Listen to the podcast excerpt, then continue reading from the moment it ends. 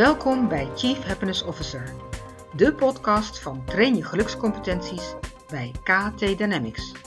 Mijn naam is Veronique Kilian en ik ben uw gastvrouw voor deze podcast.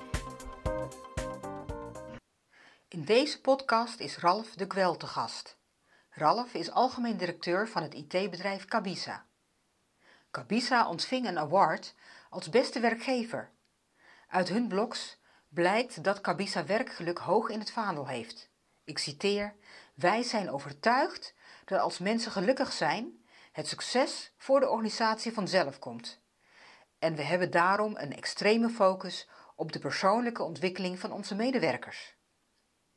Beluister in deze podcast hoe Cabisa werkgeluk verhoogt door de focus op de persoonlijke ontwikkeling in de praktijk te brengen aan de hand van authentieke gesprekken over je persoonlijke missie, over waar je energie van krijgt, over kwispelwoorden, over de vijf vingervragen en de integratie van deze gesprekken in het werk. Over hoe je je persoonlijke missie koppelt aan je persoonlijke groei en de inhoud van je werk.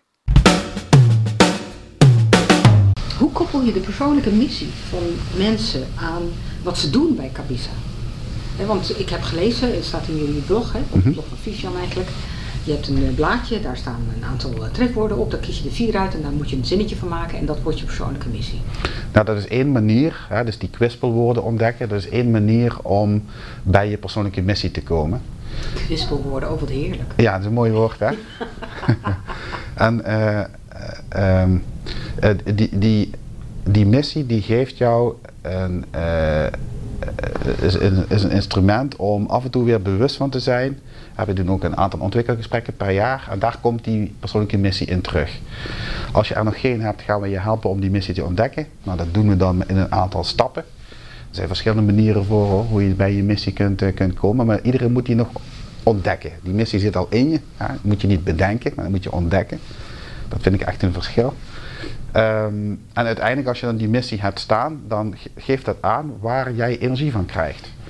En in die ontwikkelgesprekken, en daar heb ik een mooi ezelbreukje voor, dat zijn die vijf vingervragen. En uh, een van die vingers is de ringvinger. Uh, daar staat uh, waar ben je trouw aan, welke waarden zijn voor jou belangrijk en heb je die kunnen beleven, heb je die waarden kunnen leven. En de, de, andere vraag die erbij hoort van heb je je missie nog kunnen leven? Dat is eigenlijk dezelfde soort vraag. Om bewust te zijn van hey, heb je de afgelopen paar maanden, heb je daar je missie kunnen doen. En als je vooruit kijkt, hoe kijk je er dan naar? En welke dingen zijn er belangrijk voor je?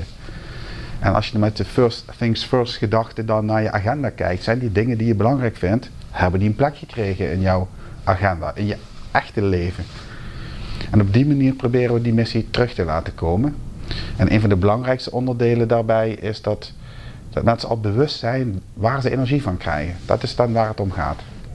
of dan, dan gaat met vier woorden of een mooie zinnen en dat maakt me niet zoveel uit. Maar even weer nadenken van, hey, ben ik nog de dingen aan het doen waar ik energie van krijg?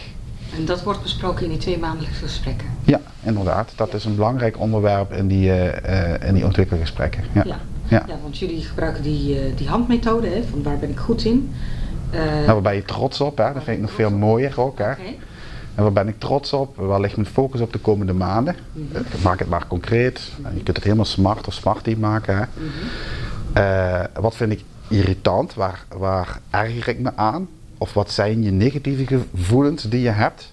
Wat is er aan de hand? Of wat denk je wat er in de organisatie aan de hand is? Dan waar ben je trouw aan? Of uh, leef je nog je missie? En dan de laatste vind ik zelf altijd mooi. Hè? De kleinste, de pink. Die geeft dan aan, of dat is de vraag van, wat voel je nog klein in? Wat, waar zou je beter in willen zijn? Of waar wil je nog in ontwikkelen?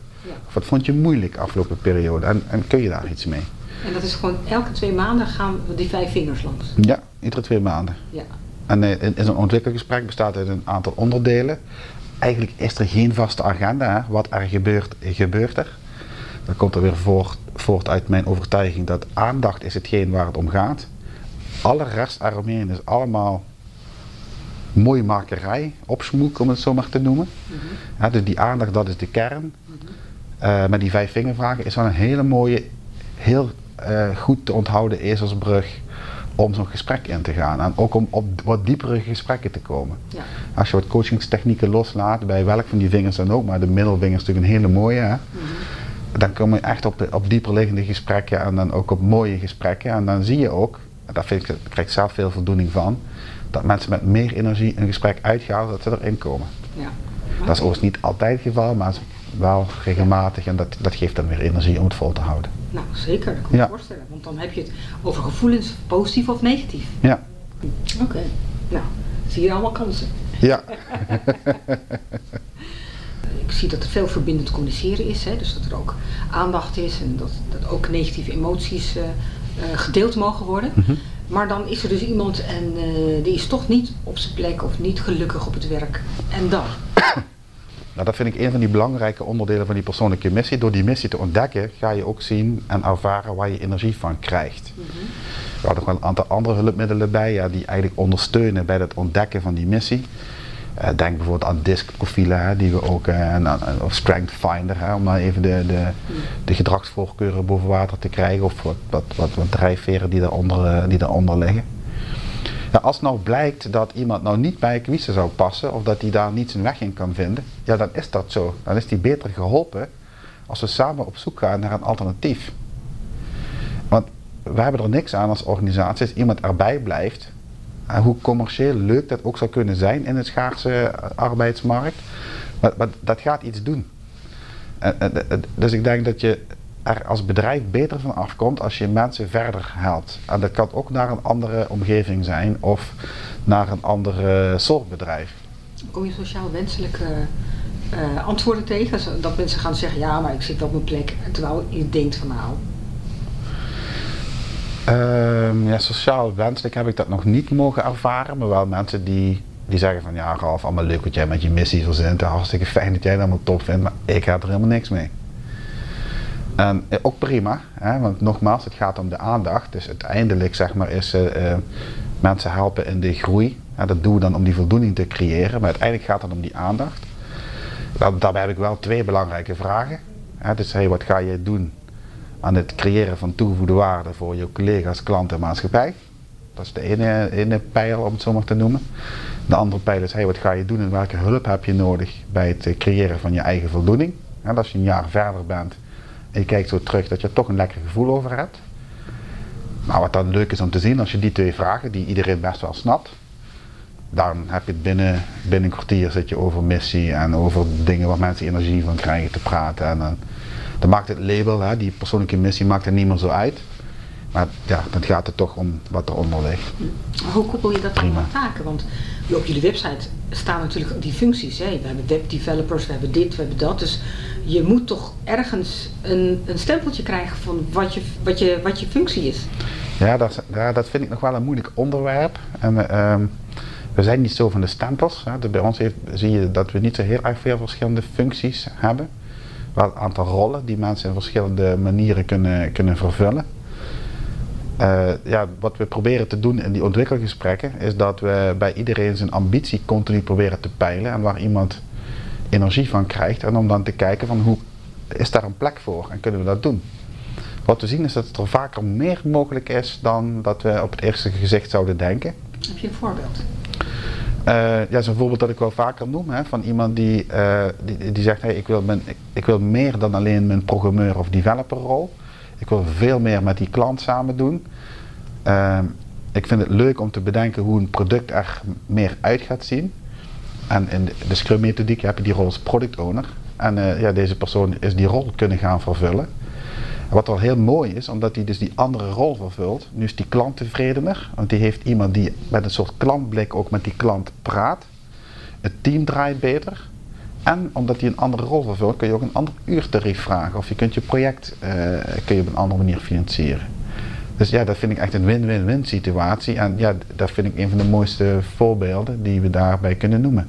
Dat is, echt, dat is gewoon goed voor iedereen. Dus mensen groeien, mensen krijgen zelfvertrouwen, mensen kunnen daardoor een andere rol doen. Een rol die ze leuk vinden, waar ze meer energie van, van krijgen, aantoonbaar. Hè. Je ziet het gewoon aan iemand dat hij leuker werk aan het doen is. Hij benoemt het ook. Eh, het team draait beter, de klant is tevredener dan daarvoor. Ja, ik bedoel, daar doe je toch voor. Eh, dat is toch, Ja, leuk. ja. Oké. Ehm, maar wat hebben jullie dan op jullie visitekaartje? Staat er dan wel eh, een functie op of staat er een rol op? Nee, dat in principe, dat, dat, dat, daar zijn we niet zo, niet zo van. Nee. we merken wel dat het vaak duidelijker is voor de buitenwereld. Hè, met wie hebben ze nou te maken. En, uh, nou ja. Dus er staat niks op, alleen je naam? Ja, dat, dat, of je hebt helemaal geen visitekaart? Ja, die hebben we wel hoor. Sterker nog vind ik heel belangrijk. Want ik vind je moet je altijd verplaatsen. En de manier hoe die ander met jou zou willen communiceren. Als iemand vraagt, heb je een visitekaartje? Ja, die heb ik dan. Hè? Dat is de behoefte die die ander heeft op dat moment. Uh, en natuurlijk, commercieel doet ook wel iets als je met een logootje ergens kan blijven liggen. Uh, maar ik ben niet zo van de. LinkedIn allemaal prima, hè? Hartstikke voor. En als iemand zegt, ik, ik wil geen visitekaartje, dat raak ik toch alleen maar kwijt. We doen LinkedIn ook prima. Maar voor die mensen die dat niet willen en die wel graag iets fysieks in handen willen hebben, of die even naar je naam of naar je logo willen kijken, of nou dan vragen oppoppen. Of, hè, van hey, wat betekent het eigenlijk, die bedrijfsnaam, of waar komt het vandaan? Dat vind ik toch een heel mooi instrument om te gebruiken. En uh, welke rollen hebben jullie dan? Want jullie zijn, zeg, je zegt van we hebben eerder rollen in het bedrijf. Uh, nou, een eigen rol, hè, directeur, maar ook haar eigen verantwoordelijkheid. En iemand anders heeft de financiële rol. Hè. Je zou het de CFO-rol kunnen noemen. En natuurlijk uh, sales en, en operatie, uh, maar ook de recruitment rol. We hebben natuurlijk Scrum Master rol, de product owner rol, de developer rol. En de, om daar wat gelaagdheid aan te geven, wel nog iets van junior, medium, senior. En dat is meer om een ontwikkelgebied aan te geven voor waar mensen zitten. Oké, dus jullie denken niet in, hij is webdeveloper, hij is programmeer, hij is IT-applicatiemedewerker? Nee, nee. Dat, dat, dat uh, we zien ook dat die developerrol die is ook veranderd in de afgelopen 20 jaar. Hè. Vroeger was dat heel strikt gescheiden. Had je de programmeur en de ontwikkelaar. Dat was echt een andere rol. Je had de, de designer en de analist. Dat waren allemaal verschillende rollen. En die, bij die moderne uh, agile programmeertalen zie je dat die rollen weer allemaal gecombineerd zijn. Dus die rollen zijn best wel breed geworden. En natuurlijk is het wel zo dat mensen hun eigen aandachtsgebieden hebben. Hè. Sommige mensen die vinden de back-end vinden ze fijner om in te werken. Anderen zeggen nee, ik wil toch wat meer naar het technisch frontend toe. Ik vind het gaaf om daarmee bezig te zijn. hoe al die elementen op het scherm zich verhouden. Iemand anders hè, die dat als aandachtsgebied heeft. Dus zo heb je wel wat aandachtsgebieden. Maar het is niet zo dat we daar de stempel voor gebruiken. Wat nog, als ik nog even iets mag toevoegen nog. Hè. Dus, uh, ik vind, dat is een soort uh, persoonlijk statement dat we leidend, leider, uh, managend Nederland, of de leiders in Nederland, of, of de hele wereld nog eens groter wil maken, we moeten samen helpen om die mensen moed te geven. Het gaat erom om de moed te verzamelen om het echte gesprek met je medewerker aan te gaan, om die echte aandacht te kunnen geven. Vaak doen we dingen niet omdat we zelf bang zijn om iets te doen, of om nee te horen te krijgen, of dat we iets dat er iets vervelends gaat gebeuren of dat we niet weten wat moeten we dan vragen aan iemand. Hè? Die vijf vragen zijn natuurlijk een mooie handreiking om, uh, om daar wat dieper in te gaan. En dus om die moed te creëren om dan maar te zeggen wat je ervan vindt. ik ben heel erg geïnspireerd door een boekje Radical Candor uh, afgelopen jaar van, van Kim Scott. Uh, om op een liefdevolle manier wel te zeggen wat je ervan vindt. Dus om je eigen mening, die mag er zijn. Maar zolang je dat maar op een liefdevolle manier of kunt vertalen aan je eigen behoeften, dat je dat kunt doen, dan zijn we een heel eind. En daar heb je wel moed voor nodig, want dat is niet, de theorie is makkelijk, maar dat is het niet. En dan komen alle menselijke overtuigingen komen allemaal boven water en heeft iedereen mee te dealen. En uh, dus, de, ja, dus in de HR-wereld, daar iedereen uh, verschuilt zich achter grote uh, tevredenheidsonderzoeken en gausscurves en we moeten iets vinden dat we mensen objectief kunnen beoordelen. Je kunt geen ander mens objectief beoordelen. Het is altijd subjectief. Dus laat er dan van uitgaan dat het subjectief is. En dan moet je je mening geven. En als je je mening maar kunt uitleggen op een liefdevolle manier, ja, dan, dan ben je er toch. Ja, bij mij komt de term liefdevolle vriendelijkheid naar boven. Hè? Ja. Dat, dat, zo klinkt het. Kun je een, een, een, praktisch voorbeeld geven? Wanneer heb je dat uh, meegemaakt? Dat je dat jij uh, een, een uh, laten we zeggen, een meningsverschil had en dat jij dat op een dat je dat met liefdevolle vriendelijkheid kon brengen? Ja, moeilijke vraag. Ja, ik heb wel een situatie, zeg maar even. dat vind ik even moeilijk omdat ik daarmee iets over een medewerker ga vertellen. Maar nou, ik heb zelf af en toe dat ik in, die, in een situatie terechtkom waarbij je een mening over iemand moet geven. veel mensen zijn ook ambitieus. En, en soms denk ik, nou ja, volgens mij heb je nog een paar stapjes te gaan voor, om die positie eh, te, eh, te kunnen krijgen. Dus dan wil ik het graag met mensen hebben, wat moet je dan leren? En eh, ja, soms is het dan nodig om een bericht te brengen van ja, sorry, maar ik, ik, ik zie aan je dat je het wilt, eh, maar ik vind dat dat nog niet zo is. Ja, en hoe ga je dat dan doen? En Ja, soms kan, over een nieuwe functie of een als mensen een nieuwe rol willen Ja. bekleden of een andere rol willen bekleden. Ja. eh, eh, En hoe doe je dat dan met liefdevolle vriendelijkheid? ja, dus meestal in zo'n ontwikkelgesprek. En, en, en ik vind wandelen heel erg leuk. En dat is een wandelgesprek. En dan kun je, ja, dan kun je heel erg. eh, de, de, de- ja, moet ik, ik, kan ik weet niet hoe ik het moet uitleggen, maar dan kun je. Dan kun je laten zien in je lichaamstaal dat je om die ander geeft en dat je dat niet iemand wil remmen, maar dat je iemand nog wil beschermen. En als je dan maar eerlijk bent en authentiek, en een beetje met een coachende inslag en, en ook kunt spiegelen als het ware van hé joh, zie je dan wat er gebeurt nu? Dan kom je aan heel eind. En nogmaals, hè, dat, ik heb ooit aan mijn eigen coach ge- gevraagd van ja, hoe kan het nou hè? Ik loop altijd verhalen te vertellen aan iedereen over dat we feedback moeten geven en liefdevol. En ja, sta ik zelf voor een situatie en eh nu worstel ik er zelf gewoon heel erg mee. Ik dacht, ja, dat, ja, ik dacht dat is toch heel erg stom om dat te doen. En toen eh, zei eh, mijn eigen coach, die zei tegen me, ja, maar dat is helemaal niet zo vreemd. Het feit dat jij iets met het onderwerp hebt, is waarschijnlijk dat jij er iets mee te doen hebt. Hè? Dat, dat die aandacht ervoor, ervoor is voor het onderwerp, dat is dat het onderwerp in jezelf is. En ja, toen kon ik er wel weer vrede mee hebben en dacht ik, nou oké, ik worstel ermee, maar ik ga het gewoon aan. En ja, dan, dan eh, moet je het doen. Hoe heeft hij het opgepakt? Wat was Nou, het resultaat? Nou, uiteindelijk eh, heel erg goed. En, eh, eh, eh, het gaat niet zozeer om het resultaat, maar ik denk om dat mensen de authenticiteit voelen. Dat het niet is dat je iets probeert te, te beïnvloeden, daar gaat het dan niet om. Maar dat je eerlijk probeert te zijn en dat je die ander wilt helpen. En dat heb je soms niet helemaal in de hand. En eh, ik had er ook fouten in gemaakt, dat ik ook heel erg eerlijk tegen iemand pro- probeerde te zijn. Of en dat ook was. Eh, maar ja, ik kwam erachter dat hij daarna toch een aantal slapeloze nachten, had gehad. Ik dacht, ja, dat was niet de bedoeling. Of had me dan even aangesproken de dag erna. Van, dan hadden we het er verder over kunnen hebben. Dus nogmaals, hè, dus het, de theorie is heel makkelijk, maar de uitvoering is echt super, super, super moeilijk. Hmm.